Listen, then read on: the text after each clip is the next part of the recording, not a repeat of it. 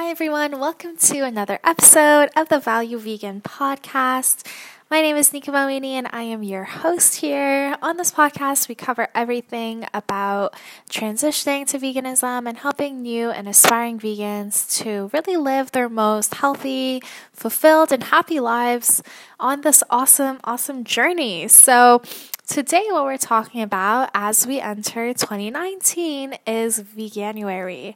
I think I said that correctly. And basically, what it is is one month to go vegan and to basically embrace the vegan diet. And it's a great way for people that were considering going vegan to have more of a supportive group of other people that are also going vegan in January. So it's just a cool, exciting phenomenon. And apparently, it's been growing by hundreds of thousands of people every year. So it's really awesome. And today, what we want to talk about is how we can kind of support this movement and how we can encourage others who are also taking part in Veganuary. So, before we do, though, make sure to subscribe to this podcast for new episodes every week and to also jump into our new and aspiring vegans Facebook group where we've created a supportive community and we have some people in there that are doing Veganuary. So, it's a great place to really connect with the community. So let's get right into it. Well, first of all, I want to say Happy New Year. It is January 1st here where I am, and I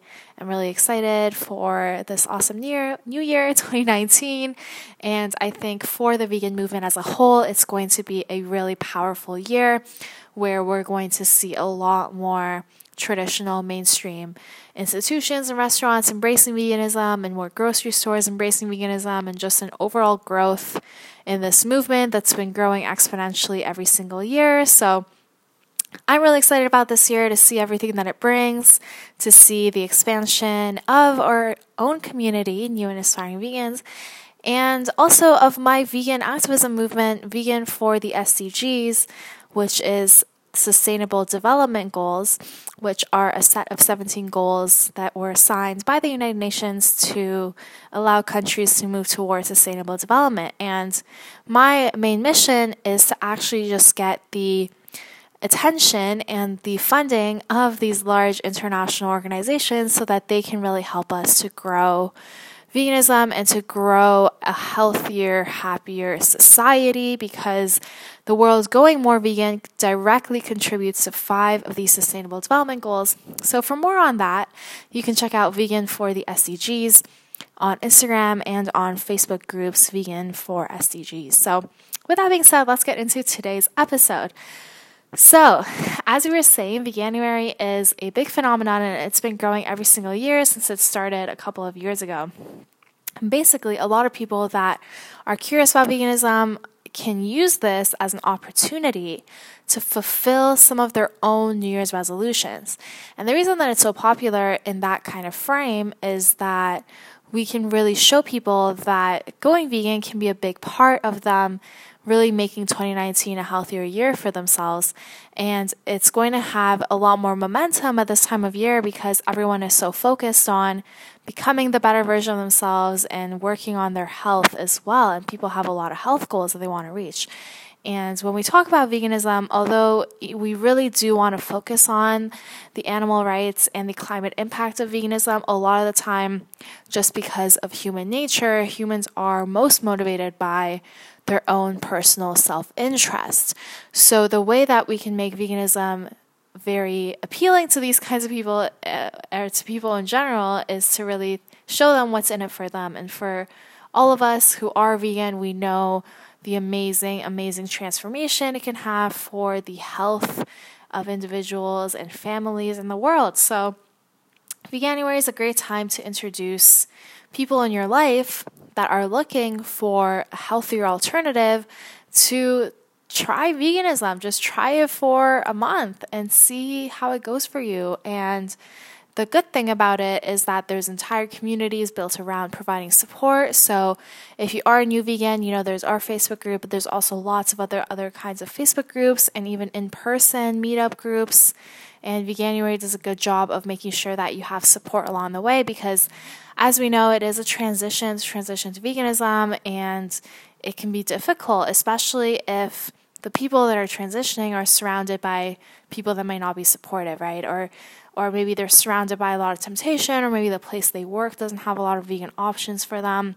I was actually just reading a post about a woman who worked in the military in the ar- in the uh, not the army, the navy for a year and she stayed vegan the entire time she was on the boat and it was pretty crazy but she said she survived through like protein protein shakes and microwavable vegan meals. So it was really cool. Um, but really you know people don't have an excuse to not go vegan because it's it's been made so affordable it's been made so easy.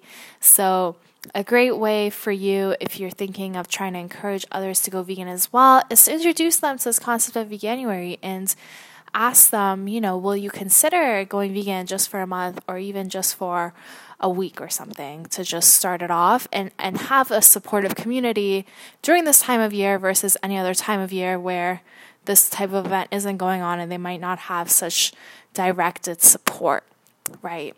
And um, that's just that's just it. So with Veganuary, there's going to be different meal plans.